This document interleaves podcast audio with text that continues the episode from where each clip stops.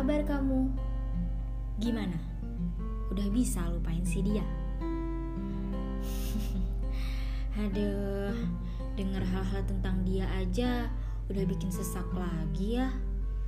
Hmm, gak apa-apa, itu wajar. Namanya juga lagi proses melupakan.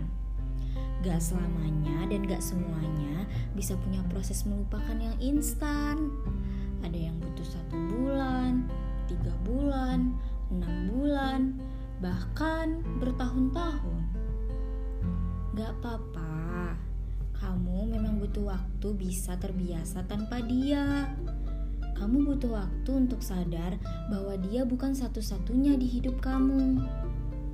Masih banyak kok manusia lainnya yang bisa bikin kamu lebih bahagia dari dia. Bahkan nantinya akan ada manusia yang bisa bikin kamu justru lebih mencintai diri sendiri bersamaan dengan kamu mencintai orang baru itu.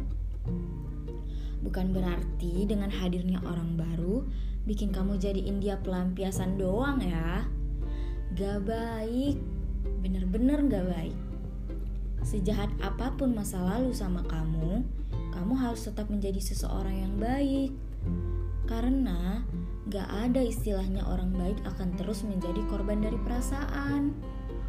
Ada kok waktunya nanti kamu menyamai kebahagiaan.